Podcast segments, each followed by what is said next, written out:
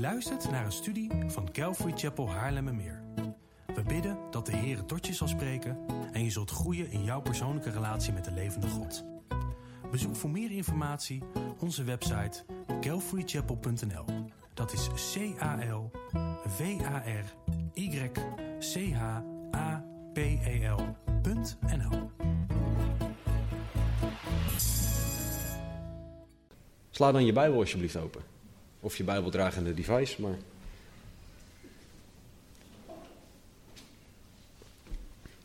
En sla hem alsjeblieft specifiek open op Romeinen hoofdstuk 3. Wij zijn al best wel wat studies, best wel wat weken, maanden bezig met een geweldige, ik vind het persoonlijk een geweldige studie, eh, door het Bijbelboek Romeinen. Het is een brief geschreven door Paulus aan een kerk in Rome. Een kerk waar hij tot op dat moment niet geweest was. En ehm, het is echt een geweldige brief, omdat Paulus hier heel veel van de fundamenten van ons geloof neerzet. Hij zet hier heel veel neer over wat wij geloven en wat de reden is dat wij geloven. Wat het fundament is waarop wij bouwen. En hij laat zien dat het allemaal vanuit het Oude Testament komt. En hij laat zien dat de mens rechtvaardiging nodig heeft. Rechtvaardigheid en rechtvaardiging is het hoofdthema van de hele Romeinenbrief. En dat wordt vanuit verschillende invalshoeken bekeken. Um, tot en met Romeinen 3, vers 20 gaat het over: jij als mens hebt rechtvaardiging nodig. Je bent een zondaar. Je bent iemand die Gods redding nodig heeft. En God is zo genadig dat Hij jou die redding kan en wil geven. Dat is de boodschap van het begin van de Romeinenbrief. Maar gelukkig stopt het daar niet, want het zou niet zo lief zijn als God ons op het probleem wijst en daarna zegt: heel veel succes. Um, God die geeft ons ook de weg van redding. Hij geeft ons ook wat we nodig hebben en de manier waarop. Hij zegt in um, Romeinen 3:22 dat het door geloof in Jezus is. Dat is de weg naar redding. En daar hebben we vorige week ook naar gekeken. We hebben vorige week gezien dat rechtvaardiging door geloof is. Dat dat Gods manier van mensen redden is. En vandaag gaan we dan verder in op, maar wat betekent dat nou en hoe zit dat nou? En specifiek gaan we kijken naar de wet van geloof. Paulus die is heel erg goed in contrasten. Wat hij doet is hij zet het een tegenover het ander. Dus donker, licht, goed, kwaad, zonde, heiligheid en reinheid. En hij zet de, de wet, en daarmee bedoelt hij de Torah, de eerste vijf boeken van de Bijbel, met alle geboden en verboden, die niet redden kan, omdat wij die niet kunnen houden, zet hij vandaag tegenover de wet van het geloof. De wet die wel redden kan. De manier van, of de, de weg die God gegeven heeft tot redding. En daar gaan we vandaag samen naar kijken. We gaan hoofdstuk 3 afmaken. Dus uh, we gaan een hoop versen doen, voor mijn doen, uh, vandaag. Maar we gaan kijken naar de wet van geloof en wat God daarmee wil, wil zeggen. Dus laten we samen lezen Romeinen 3, vers 23 tot en met 31. Ik begin even met, nee laat ik dat niet doen, want anders uh, geef ik Ferry een probleem. Laten we beginnen met lezen in vers 23. Allen hebben gezondigd en missen de heerlijkheid van God en worden om niet gerechtvaardigd door zijn genade, door de verlossing in Christus Jezus. Hem heeft God openlijk aangewezen als middel tot verzoening door het geloof in zijn bloed. Dit was om zijn gerechtigheid te bewijzen vanwege het voorbij laten gaan van de zonden die eertijds hadden plaatsgevonden onder de verdraagzaamheid van God. Hij deed dit om zijn rechtvaardigheid te bewijzen nu in deze tijd, zodat hij zelf rechtvaardig is en rechtvaardigt diegene die uit het geloof in Jezus is. Waar is dan roem? Hij is uitgesloten. Door welke wet? Van de werken? Nee, maar door de wet van het geloof. Wij komen dus tot de slotsom dat de mens door het geloof gerechtvaardigd wordt zonder werken van de wet. Of is God alleen de God van de Joden en ook niet van heidenen? Ja, ook van heidenen. Het is toch immers één en dezelfde God die besnedenen rechtvaardigen zal uit het geloof en onbesnedenen door het geloof. Doen wij dan door het geloof de wet teniet? Volstrekt niet, maar wij bevestigen de wet. Laten we bidden. Vader God, dank u wel Dank u wel voor uw woord. Dank u wel dat uw woord levend is. Dank u wel dat uw woord krachtig is. Dat u de overleggingen van ons hart wil oordelen. En heren, doe dat met iedereen. Iedereen die nu luistert, iedereen die het nog terug gaat luisteren of terugkijken. Heren, laat ons zien wie u bent. Laat ons zien hoe groot u bent, hoe veel u van ons houdt, heren. Want u hebt ons een weg naar redding gegeven. Heer, ik bid dat u uzelf zal laten zien aan iedereen. Dat harten veranderd worden. En dat wij hier weg zullen gaan met een vergroot beeld van wie u bent. Dus Heer, doe dat, niet omdat wij dat verdienen. Laat er geen woorden van mij bij zitten, maar alleen maar uw woorden. En Heer, we vragen dit in Jezus' naam. Amen. In vers 23 en 24 geeft Paulus redding in een notendop aan de mens. Hij legt uit wat het is en hoe het werkt. Hij zegt, want allen hebben gezondigd en missen de heerlijkheid van God.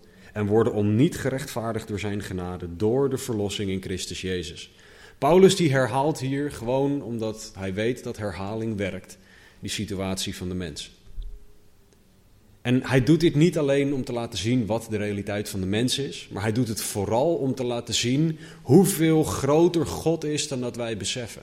Want op het moment dat wij beseffen dat wij zondaren zijn en hoe erg onze zonde is, dan wordt daarmee automatisch Gods genade en Gods liefde veel groter.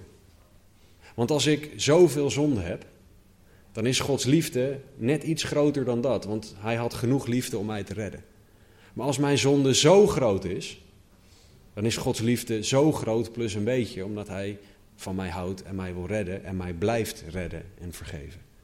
Dus hoe meer wij zien wat voor zondaren wij zijn, dan horen wij daardoor meer te zien hoe ongelooflijk groot en bijzonder onze redding is. Hoe ongelooflijk groot Gods liefde is en Gods genade is.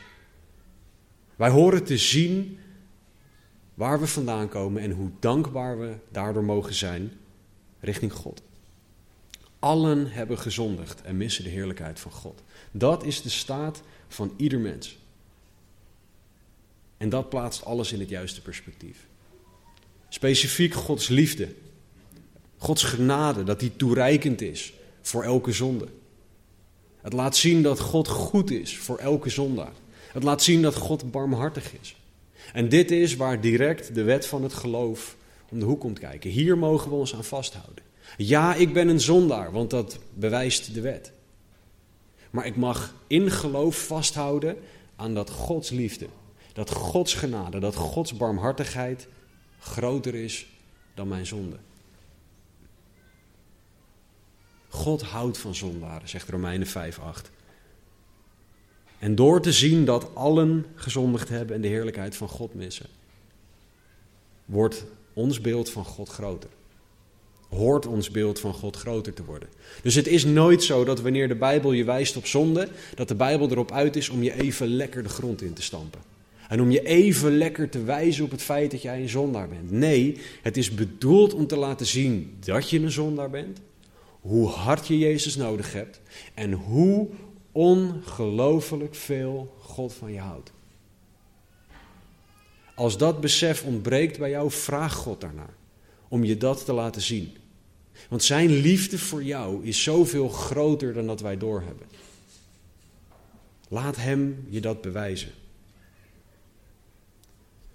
Door te zeggen dat wij de heerlijkheid van God missen, zegt Paulus eigenlijk in heel mooi, wollig taalgebruik, zoals Paulus zo goed kan, dat wij niet perfect zijn.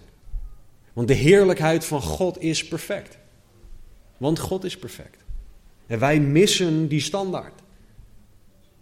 Misschien ben je een goed mens, maar je bent nooit van je langzame leven een perfect mens. Dat jij de heerlijkheid van God kan halen. Maar gelukkig, zoals de Bijbel altijd doet, is er dan het volgende vers.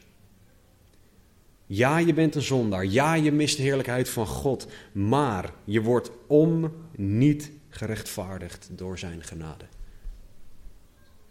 In het Grieks wijst dat op iets wat wij Nederlanders heel erg leuk vinden. Gratis. Dat vinden wij geweldig.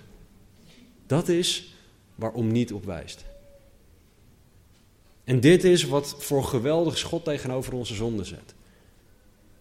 Ja, wij hebben zonde, maar God zegt: Ik heb genade. En jij kan die om niet ontvangen. Dat is wat hier staat. Jezus is wat hij tegenover onze zonde zet, is wie hij tegenover onze zonde zet. Jezus, zijn offer, zijn perfectie, zijn genade. Want Jezus deed alles wat wij niet konden. Perfect leven, God standaard houden. Altijd luisteren naar God, ook als mensen vervelend zijn om je heen. Jezus deed altijd Gods wil. En daardoor was hij in staat om voor ons een offer te zijn. En Paulus heeft het daarover. Hij gaat in vers 25 het hebben over Jezus bloed. En hij doet dat omdat hij een bepaalde aanname doet. Paulus die schrijft een brief naar een kerk in Rome, zoals aangegeven. En in Rome waren heel veel christenen met een Joodse achtergrond. Die kenden het offersysteem. Die kenden de noodzaak voor een offer en daarmee de noodzaak voor bloed. In Leviticus 17 staat er een vers wat dat duidelijk maakt. Daar staat: Het leven is in het bloed. En er moet met een leven betaald worden voor zonde. Dat is hoe Gods systeem werkt. Want onze zonde is tegen een eeuwig God. En we hebben dus een eeuwigheid nodig, een leven nodig om daarvoor te betalen. En Leviticus 1 tot en met 5 laten dan zien wat die offers waren, wat die Joden of die Joodse christenen in hun achterhoofd hadden. Dat laat zien dat zij, die offers, die moesten hun laten zien wat de noodzaak was voor iemand om te sterven voor hen. En het is op zich mooi, het is, mooi, het is geweldig dat God deze offers geeft. Want hij had net in Exodus had hij de wet gegeven. En dan zegt hij daarna in Leviticus, oh ja, maar jullie gaan de wet breken, dus dit is de weg terug. Zo goed kent God de mens. Maar door dat te doen, heeft hij daar de basis gelegd voor het feit dat Jezus voor onze zonde zou gaan sterven. Want net zoals er toen een offer nodig was, is er vandaag de dag voor onze zonde nog steeds een offer nodig. En dat offer is gegeven, maar daar mag je in geloven. En een aantal eigenschappen wil ik aanhalen van die offers in Leviticus. Want als ik daarover zou beginnen tot in detail, dan zijn we over drie jaar nog niet klaar met Leviticus. Of met uh, Leviticus, laat staan met Romeinen. Um, maar we zien in Leviticus 1 dat degene die gezondigd had vrijwillig moest komen. Er werd niet gedwongen, er werd niet een pistool op je hoofd gezet en gezegd: Jij hebt gezondigd, dus nu ga jij een offer brengen. Nee, je koos ervoor om te gaan offeren. Je kwam met een offer zonder gebrek. Een perfect offer. Je mocht niet met een schaap met de drie poten komen of schaap met de vijf poten, zoals Nederlandse gezegd is. Dat was niet goed genoeg. God wilde een, een offer zonder gebrek hebben. In vers 4 van hoofdstuk 1 van Leviticus staat er dat je moet leunen op dat offer. Je moet dus steunen op het offer dat voor jou de zonde wegneemt of de zonde bedekt. En je moest het dier zelf offeren. Jij was degene die het bracht en het dier stierf voor jouw zonde. Dit is de basis van het offer van Jezus Christus aan het kruis. Want Jezus, die ging vrijwillig, maar wij moeten vrijwillig naar Jezus komen. Jezus was zonder gebrek, maar wij moeten naar God toe komen en zeggen: Heer, ik heb het offer van Jezus nodig. Wij mogen leunen op Jezus, op het offer. En door mijn zonde was het nodig dat Jezus stierf. Door jouw zonde was het nodig dat Jezus stierf. De basis die er gelegd wordt in Leviticus is waar Paulus naar refereert als hij het heeft over gerechtvaardigd.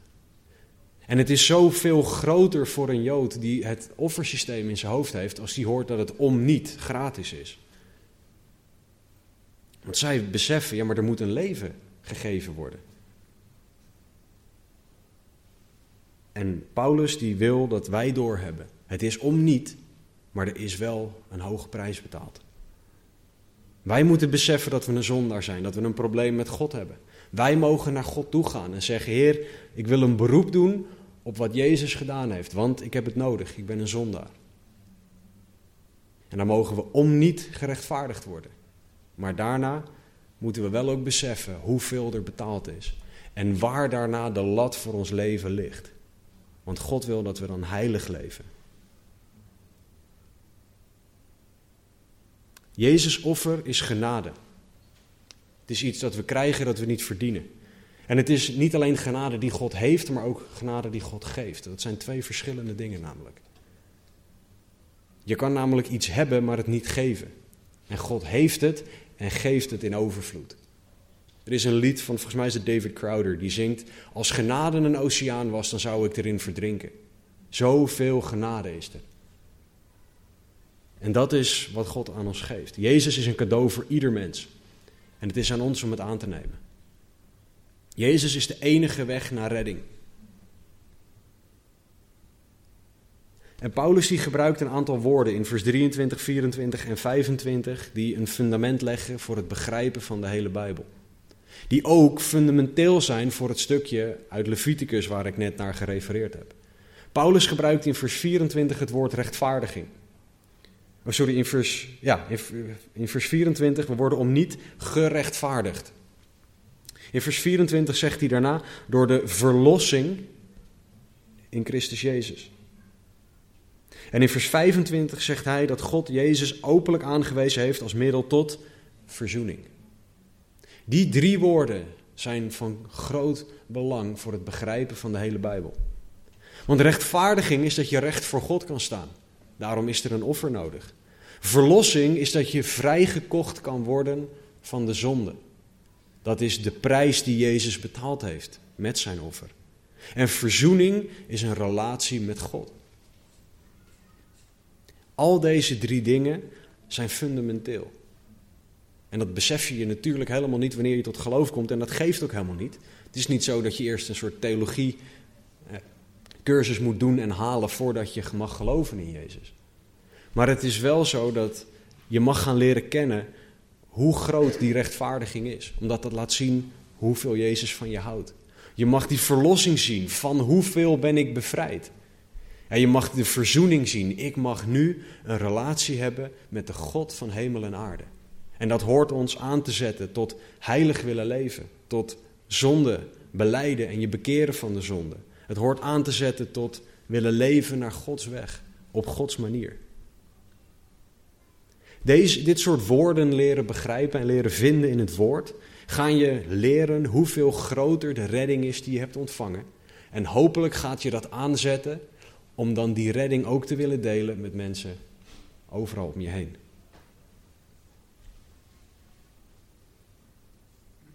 We moeten echt beseffen dat rechtvaardiging belangrijk is. Niet alleen om de Romeinenbrief te begrijpen, niet, niet omdat ik het zeg, maar omdat de Bijbel het zegt. Want Paulus herhaalt dat woord keer op keer op keer op keer in de hele Romeinenbrief. En wat zo fijn is, zoals ik al zei, zeker voor ons Nederlanders, rechtvaardiging is gratis. Om niet. En tegelijkertijd is het heel duur. Bijbelcommentator Warren Wiersbe heeft een keer het volgende verhaal verteld.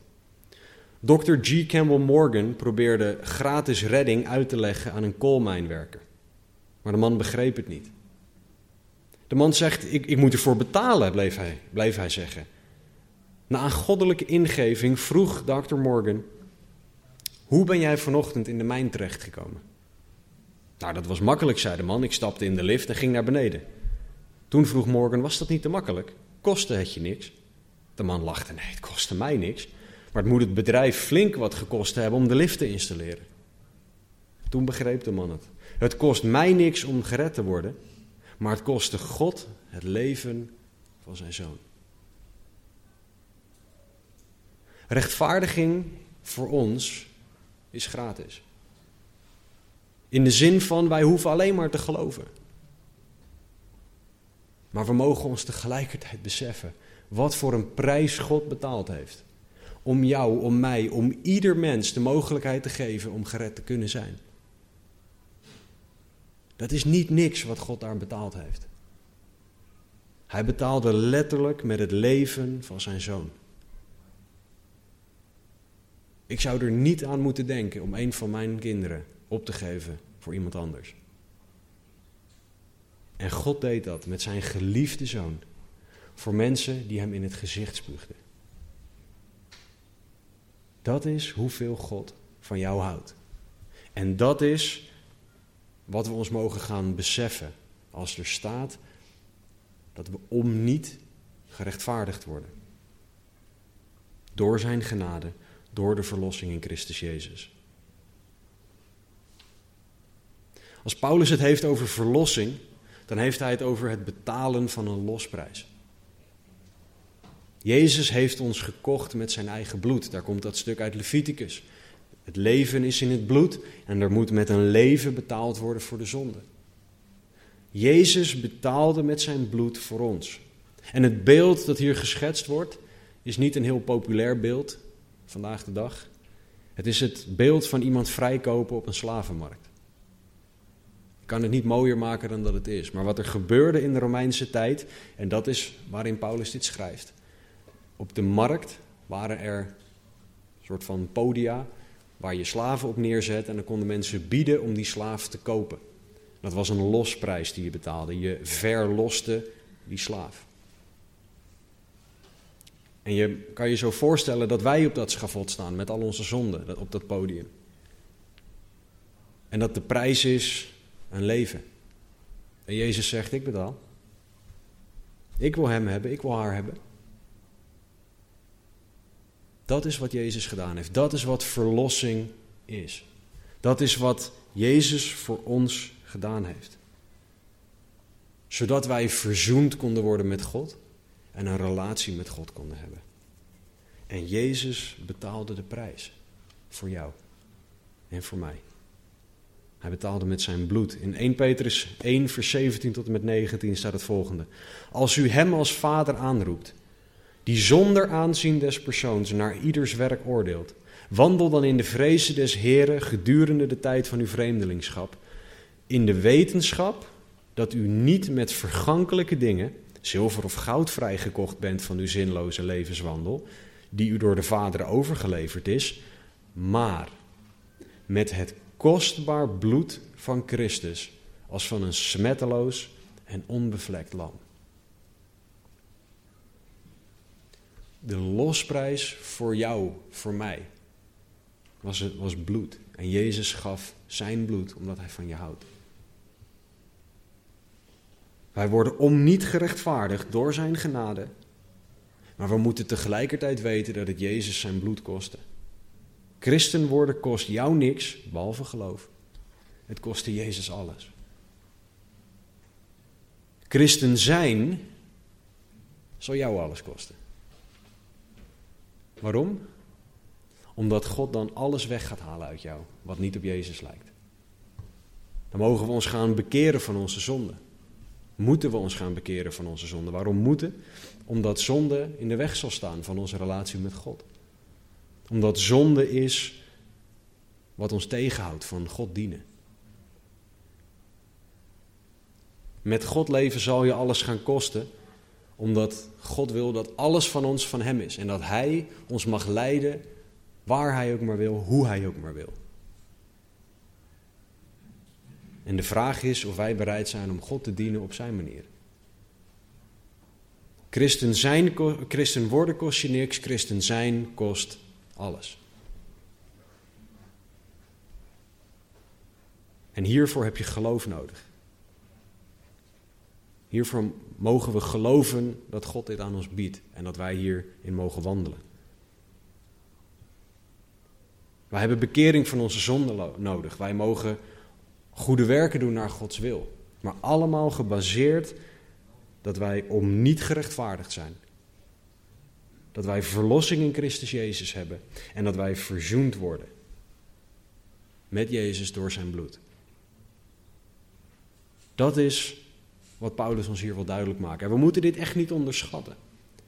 We moeten echt niet onderschatten wat Paulus hier zegt. Want dit is wat wij mogen geloven. Dit is waar wij op bouwen, waar wij op staan. We mogen geloven dat God ons vergeeft. Wij mogen geloven dat God ons de schuld kwijtscheldt. Alles is op basis van geloof, zegt Paulus. Alleen dan moeten we wel geloven. We moeten geloven en vasthouden aan dat God van je houdt. We moeten geloven en vasthouden dat Jezus voor jouw zonde gestorven en opgestaan is. Van je, je zonde van het verleden, je zonde van het heden en je zonde van de toekomst. Je moet geloven dat wanneer jij je zonde beleidt, God je vergeeft. We moeten geloven dat wanneer wij ons bekeren van onze zonde, wat wij elke dag moeten doen, en bekeren is het afkeren van naar iets anders. Wij moeten ons afkeren van onze zonde naar God en achter God aan gaan rennen. We moeten geloven dat dat is wat God voor ons heeft, omdat God dat in zijn woord zegt. En we moeten geloven dat God niet verandert. En er zijn nog honderdduizend andere dingen die we mogen en moeten geloven, maar het gaat even om het idee. We mogen geloven en vasthouden dat God niet verandert. Want als God wel zou veranderen, wat heeft het dan voor zin om dit te geloven? Als God zou veranderen, dan zouden we nooit zekerheid kunnen hebben. Maar God verandert niet. En dat is iets waar je je elke dag aan vast kan houden. Waar je elke dag op kan leunen. Waar je elke dag je kracht en je genade uit kan halen. Want God houdt elke dag van jou. Of je het nou verdient of niet. Dat is hoe groot zijn liefde is. Dit is het geloof waar Paulus het over heeft, waar rechtvaardiging begint. Geloof dat leidt tot verlossing en die leidt tot verzoening. Dit is hoe groot Gods liefde is. En het enige wat wij hoeven te doen, wat jij hoeft te doen, is te geloven. Misschien zeg je, ja, maar ik, ik geloof dit al. Hoe zeker hou jij je hieraan vast? Hoe krampachtig klamp jij je vast aan Gods genade en aan Gods liefde? Ook als de situatie zegt dat je je aan iets anders zou moeten vasthouden. Ook als alles tegenzit. Als mensen je belachelijk maken. Hou jij je dan nog vast aan dat simpele geloof? Sta jij voor dat geloof? Vertel jij mensen over dat geloof? Of hou jij je vast aan iets anders? Geloof, beleid, bekeer en je bent gered. De wet van het geloof. En het begint allemaal met geloof. In vers 25 zegt Paulus: Hem, Jezus, heeft God openlijk aangewezen als middel tot verzoening door het geloof in zijn bloed. Dit was om zijn gerechtigheid te bewijzen vanwege het voorbij laten gaan van de zonden die eertijds hadden plaatsgevonden onder de verdraagzaamheid van God. Hij deed dit om zijn rechtvaardigheid te bewijzen nu in deze tijd, zodat hij zelf rechtvaardig is en rechtvaardigt diegenen die uit het geloof in Jezus is. Paulus heeft het hier over verzoening. We hadden het over rechtvaardiging, verlossing en nu over verzoening, het derde woord dat van belang is. En verzoening heeft het idee van een plaatsvervanger die je straf draagt om een relatie te herstellen. En de Grieken gebruikten dat in hun context voor offers aan afgoden. In de Griekse mythologie, de Griekse afgoderij, moest je offers brengen om de afgoden tevreden te houden. Dus als er een oogst verloren ging, dan gingen ze offeren om maar de boosheid van die God af te wenden. Dat is waar hun offersysteem vandaan kwam. En daarvoor gebruikten ze het woord verzoening voor die offers. En dat is ook het woord dat Paulus hier gebruikt om Jezus offer uit te leggen. God, die heeft een bepaalde boosheid richting elk mens op basis van onze zonde. En tegelijkertijd heeft hij een liefde die zo ongelooflijk groot is dat hij zoiets had van ik moet een weg vinden. En Jezus droeg die boosheid, zodat wij nu Gods liefde kunnen ervaren. Dat is wat Paulus hier schetst, zodat er verzoening kan zijn, namelijk een herstelde relatie. Dat is waar Paulus op. Hij wil dat er weer een relatie is tussen God en mens. Dit is beschikbaar voor iedereen om die relatie met God te kunnen hebben. En allemaal op basis van geloof. En wat God laat zien in het verzoenen van de mens met zichzelf, hij laat zien dat hij rechtvaardig is. En hoe doet hij dat nou? Die boosheid over zonde, die blijft. Hij is verzoend in Jezus, maar het is niet zo dat we maar gewoon wat kunnen doen. Als we eenmaal in Jezus geloven. God wil op, vanaf het moment dat wij geloven dat wij heilig en rein voor Hem leven. Dat wij doen wat Hij vraagt. Dus Gods rechtvaardigheid blijft staan. Maar tegelijkertijd laat God ook zijn rechtvaardigheid zien in het feit dat Hij zonde tussen aanhalingstekens laat gaan. Wat ik daarmee bedoel is niet dat zonde onbestraft gaat, want dat zou niet matchen met die boosheid van God over zonde. Maar God die heeft de zonden die eertijds hadden plaatsgevonden, zegt vers 25, verdragen. En wat dat betekent, is dat iedereen die leefde voordat Jezus kwam, die heeft gezondigd. En ook iedereen die na je, dat Jezus kwam trouwens, voor de duidelijkheid. Maar God heeft het verdragen dat hun zonden nooit weggenomen zijn, maar dat die zonden bedekt zijn. God heeft niet een soort anger management cursus gehad tussen het Oude en het Nieuwe Testament, waarbij hij in het Oude Testament bliksem uit de hemel gooide bij elke zonde. En dat hij in het Nieuwe Testament opeens een God van liefde was, omdat hij had geleerd om tot tien te tellen of zo.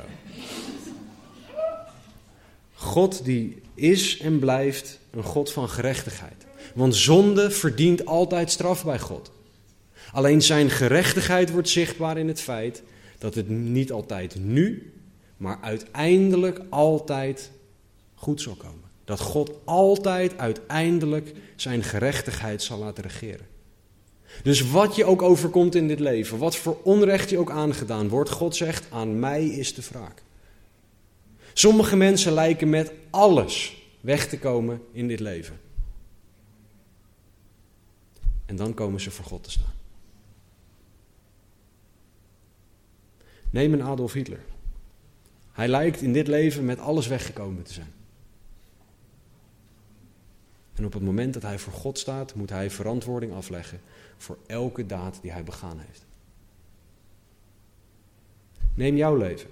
Want het is makkelijk om een Adolf Hitler te pakken. Neem jouw leven. Als jij niet gelooft in Jezus, zal jij met jouw zonde voor God moeten staan en verantwoording moeten afleggen voor elke zonde. Dat is Gods rechtvaardigheid. Want Hij legt een standaard neer en die standaard blijft staan voor iedereen. Wij willen soms dat God op ons moment straft, maar dan willen wij ook alleen dat God straft wat wij zonde vinden. In de plaats van dat God straft wat zonde is. En God zal altijd uiteindelijk straffen wat zonde is. Hij is altijd rechtvaardig. De zonden die in het verleden gebeurd zijn, God zal ze rechtvaardig behandelen. De zonden van vandaag en van de toekomst, God zal ze perfect rechtvaardig behandelen. Altijd. Want dat is wie God is. Hij is rechtvaardig in alles. En voor de christen is het dan geweldig om te mogen weten dat Jezus de zonde van verleden, heden en toekomst heeft weggenomen. Bishop Westcott heeft het volgende gezegd. We zijn vrijgezet van de straf van de zonde, verleden. Wij worden nu vrijgezet van de kracht van de zonde in het heden. En we zullen worden vrijgezet van de aanwezigheid van de zonde, de toekomst. Nu, het verleden, de toekomst. God heeft voor al onze zonden een oplossing gegeven. En wat fijn is als christen, de straf van de zonde is weg. In dit leven worden we vrijgezet van de kracht van de zonde. We mogen meer en meer leven naar Gods standaard. We mogen zonde beleiden en aan God geven. En dan meer en meer heilig leren leven door zijn kracht. En we kijken uit naar de dag. Maranatha, Heer, kom snel terug. Dat we vrijgezet worden van de aanwezigheid van de zonde. Dat we perfect in Gods aanwezigheid zullen zijn en voor eeuwig zullen genieten in de eeuwigheid, in de hemel met God. Dat is waar Paulus naar kijkt bij verzoening. Een perfect rechtvaardig God voor verleden, heden en toekomst. En het enige wat wij hoeven te doen, wat jij hoeft te doen om dit aan te nemen, is geloven. En daaraan vasthouden. En God vragen om dit meer en meer realiteit te maken in je leven.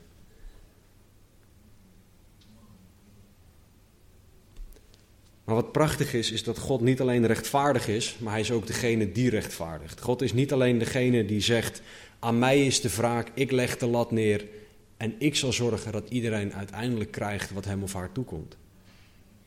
God is zo groot dat hij er ook voor zorgt dat wij überhaupt bij hem kunnen komen.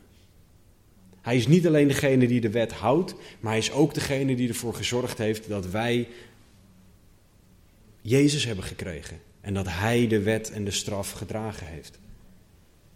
Gods liefde is zo groot dat hij een manier gevonden had, heeft, om zowel perfect rechtvaardig te zijn als ons zondeprobleem op te lossen.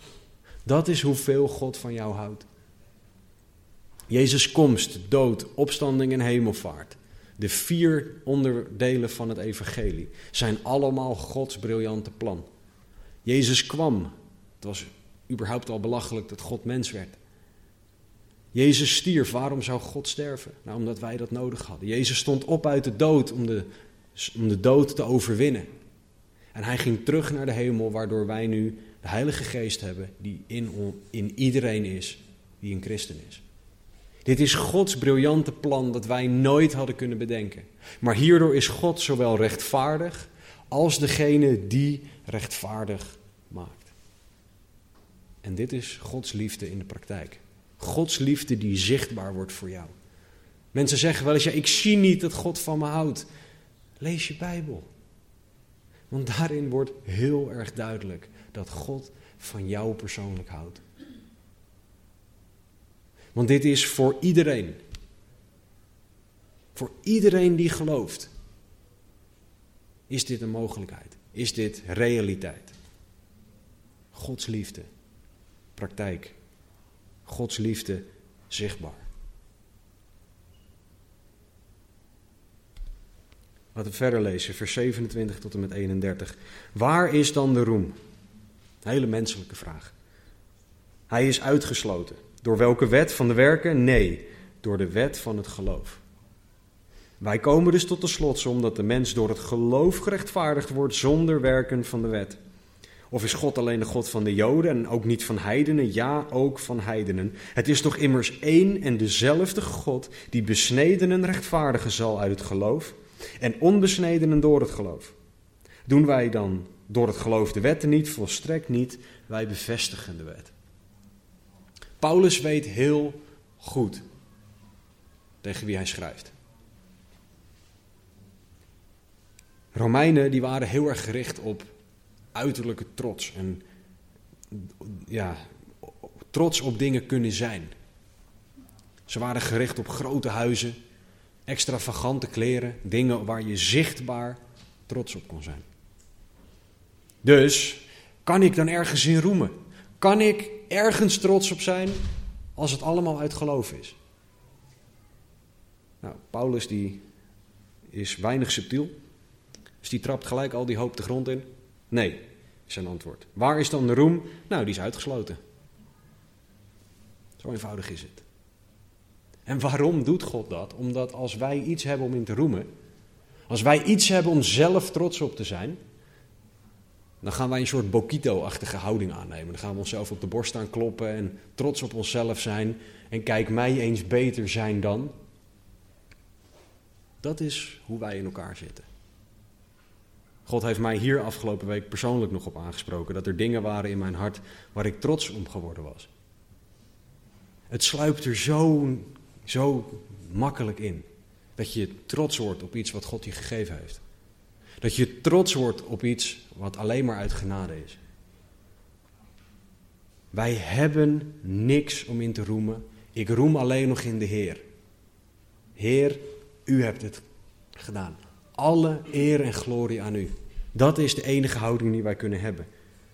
Er is geen roem in de wet. Er is geen roem in onze werken. Want wij worden om niet gratis gerechtvaardigd door zijn genade. Dat is Gods weg. Dat is de wet van het geloof. Om niet in geloof. En zo geldt het met alle zegeningen van God. Ze zijn om niet gratis uit geloof.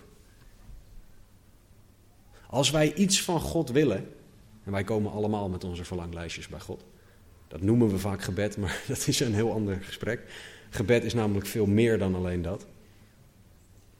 Maar dan komen wij bij God en dan hebben we wel eens zo'n houding van: oké, Heer, als ik nou dit doe,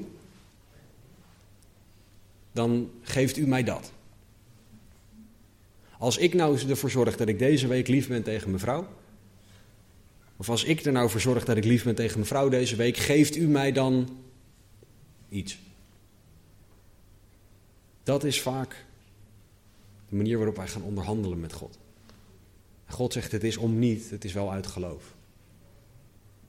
Dat betekent niet dat we alles krijgen dat we willen, want wij weten vaak helemaal niet wat goed voor ons is. Maar het is om niet uit geloof. We hoeven niet te onderhandelen met God. We mogen alleen leren wat het is om te bidden naar zijn wil. En dan zullen we de dingen gaan vragen naar zijn wil. Als wij op Gods manier gaan bidden, op Gods manier gaan leven, dan kunnen we alleen nog maar dankbaar zijn. Dat is ook wat Paulus probeert te bereiken. Hij probeert niet per se om de hoop van de Romeinen de grond in te rammen en te zeggen: jullie cultuur is slecht. Nee, hij wil zeggen: er is geen roem, omdat we alleen maar dankbaar hoeven te zijn, alleen maar dankbaar kunnen zijn. Want alles is uit genade, alles is uit geloof, alles is om niet. Het enige wat je dan logischerwijs kan doen, is zeggen: Dank u. Dat is ook waarom een belangrijk onderdeel van gebed is: God danken. Zelfs al denk je dat er niks is om voor te danken. Dank God voor wat hij in zijn woord zegt. Dank God voor wat Jezus gedaan heeft. Dank God voor het feit dat hij bij je is, dat hij überhaupt je gebed hoort. Dank God voor alle zegeningen waarvan je weet dat ze er zijn, omdat het in het woord staat dat ze er zijn. God wil een houding van dankbaarheid. En dankbare mensen zijn ook de meest fijne mensen om in de buurt te zijn trouwens. Mensen die dankbaar zijn voor alles. Mensen die dankbaar zijn in alles.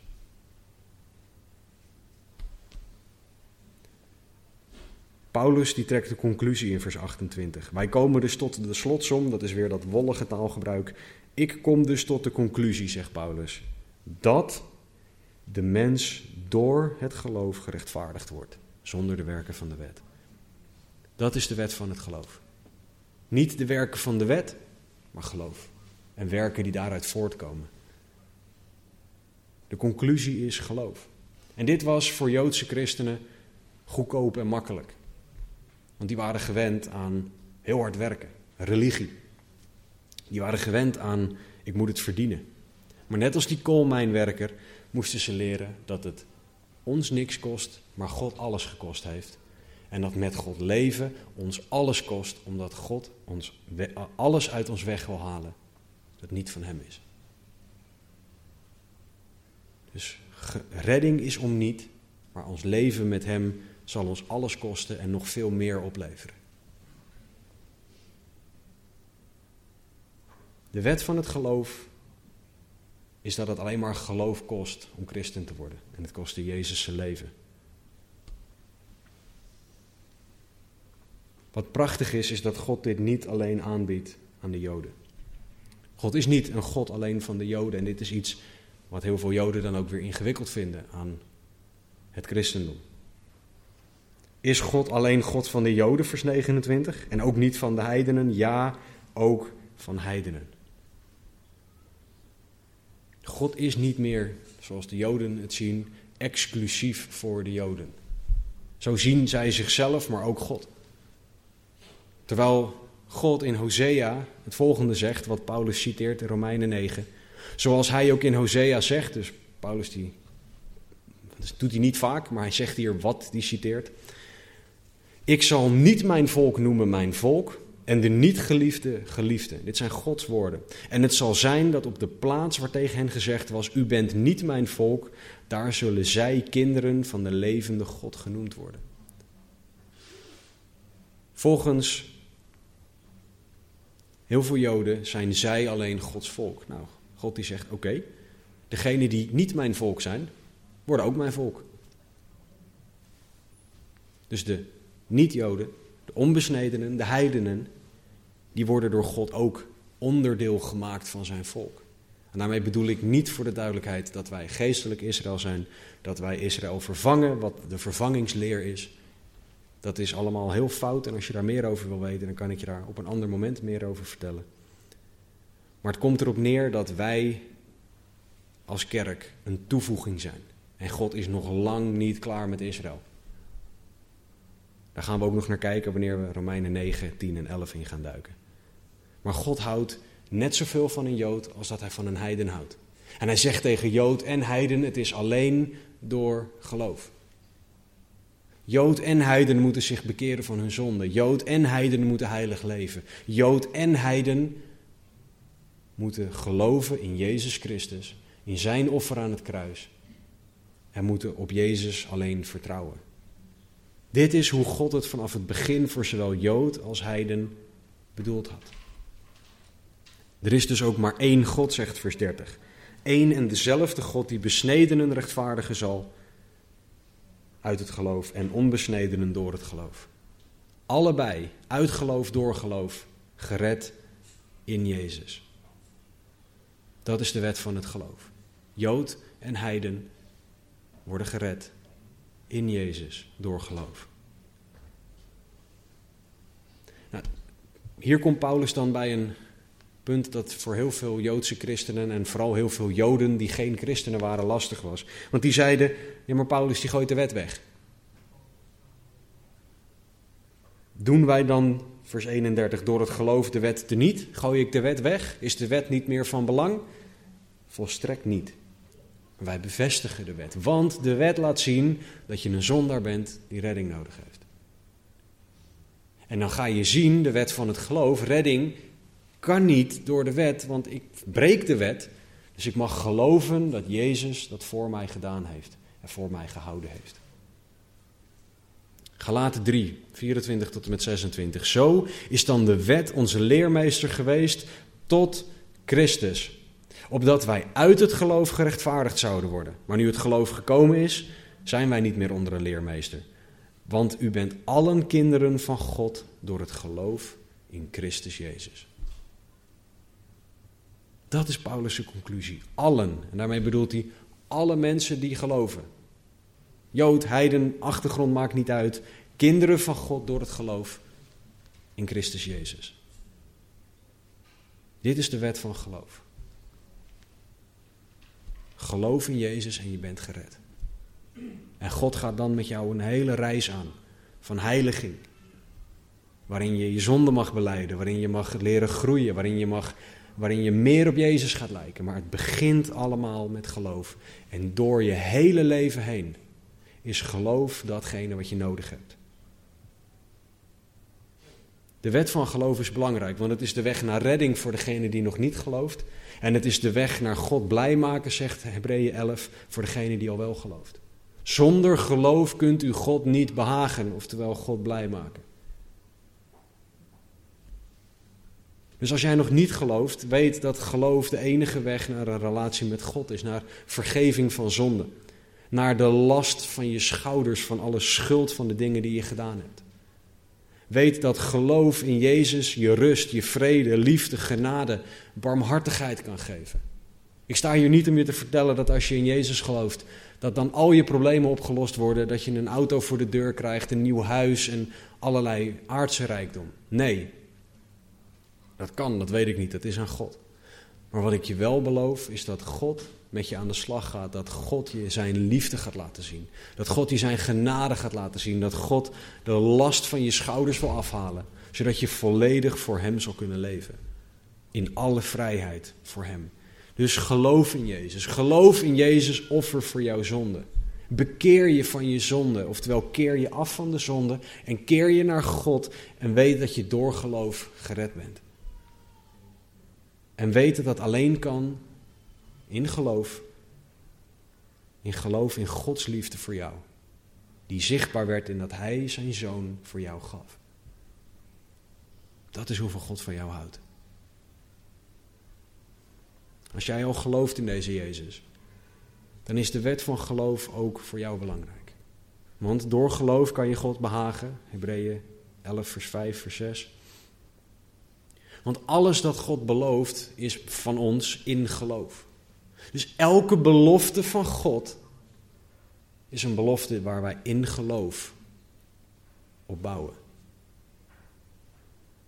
Het is niet zo dat God kijkt naar wie genoeg geloof heeft en pas als je genoeg geloof opgebouwd hebt, dan krijg je wat. Nee, het gaat erom of wij ons leven aan God geven en zeggen: Oké, Heer, ik zie het misschien nu niet, maar ik wil me vasthouden aan dit, ondanks dat ik het misschien niet geloof. Heer, ik geloof, maar kom mijn ongeloof tegemoet. En hoe ziet dat er dan praktisch uit? Nou, zonde overwinnen gaat alleen in geloof. Dat kan jij niet. Door een lastige, langdurende, pijnlijke situatie komen. Zelfs als die situatie niet opgelost wordt, kan alleen in geloof. Vrienden en familie tot geloof zien komen, kan alleen in geloof, niet door jouw overtuigende woorden. Alles wat God belooft, een eeuwigheid met Hem, rust, vrede, die last van je schouders, vergeving, alles is er alleen door geloof. Dus verval niet in de valkuil dat jij Gods liefde weer wil gaan verdienen, maar geloof. Dus christen, leef jij naar de wet van het geloof of leef je naar je eigen wil en je eigen wet? Leef jij naar de wet waarin, zoals in het Oude Testament, de Joden dachten, je alles weer zelf moet verdienen, door, door maar zo hard mogelijk te werken?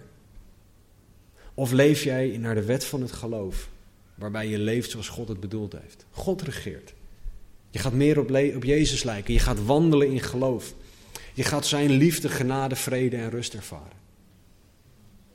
In elke situatie, ondanks elke situatie. Leef jij uit geloof of leef jij uit iets anders? Laten we bidden. Vader God, dank u wel. Dank u wel, heren, dat de wet zo duidelijk is en dat de wet ons wijst op Jezus. Dank u wel, heren, dat de wet ons laat zien dat er een wet van het geloof is. Heren, want de wet houden kunnen wij niet. Maar heren, in u kunnen wij wel geloven. Dus heren, geef een ieder geloof. Geef ons geloof om vast te houden aan u. Geloof om vast te houden aan uw woord. Geloof om te doen zoals u dat wil. Heren, we hebben u nodig, heren. Zoveel meer dan dat wij bidden of beseffen. En heren, ik dank u, ik dank u, ik dank u dat we überhaupt de mogelijkheid hebben om te geloven. Dus heren, iedereen die nog niet gelooft, heren, laat hen zien wie u bent, zodat ze wel zullen gaan geloven. Iedereen die u al kent, laat hen groeien in geloof. Leid iedereen alstublieft om te geloven. Om zijn of haar leven over te geven voor de eerste of voor de zoveelste keer. Om zonde bij u te brengen, zonde te beleiden en zonde aan uw voeten te leggen en te laten. En om te leven naar uw wil. Laat ons in geloof zien hoe groot uw liefde en uw genade is. Laat ons in geloof ervaren hoeveel meer u van ons houdt dan dat wij denken. Heren, laat ons zien wie u bent.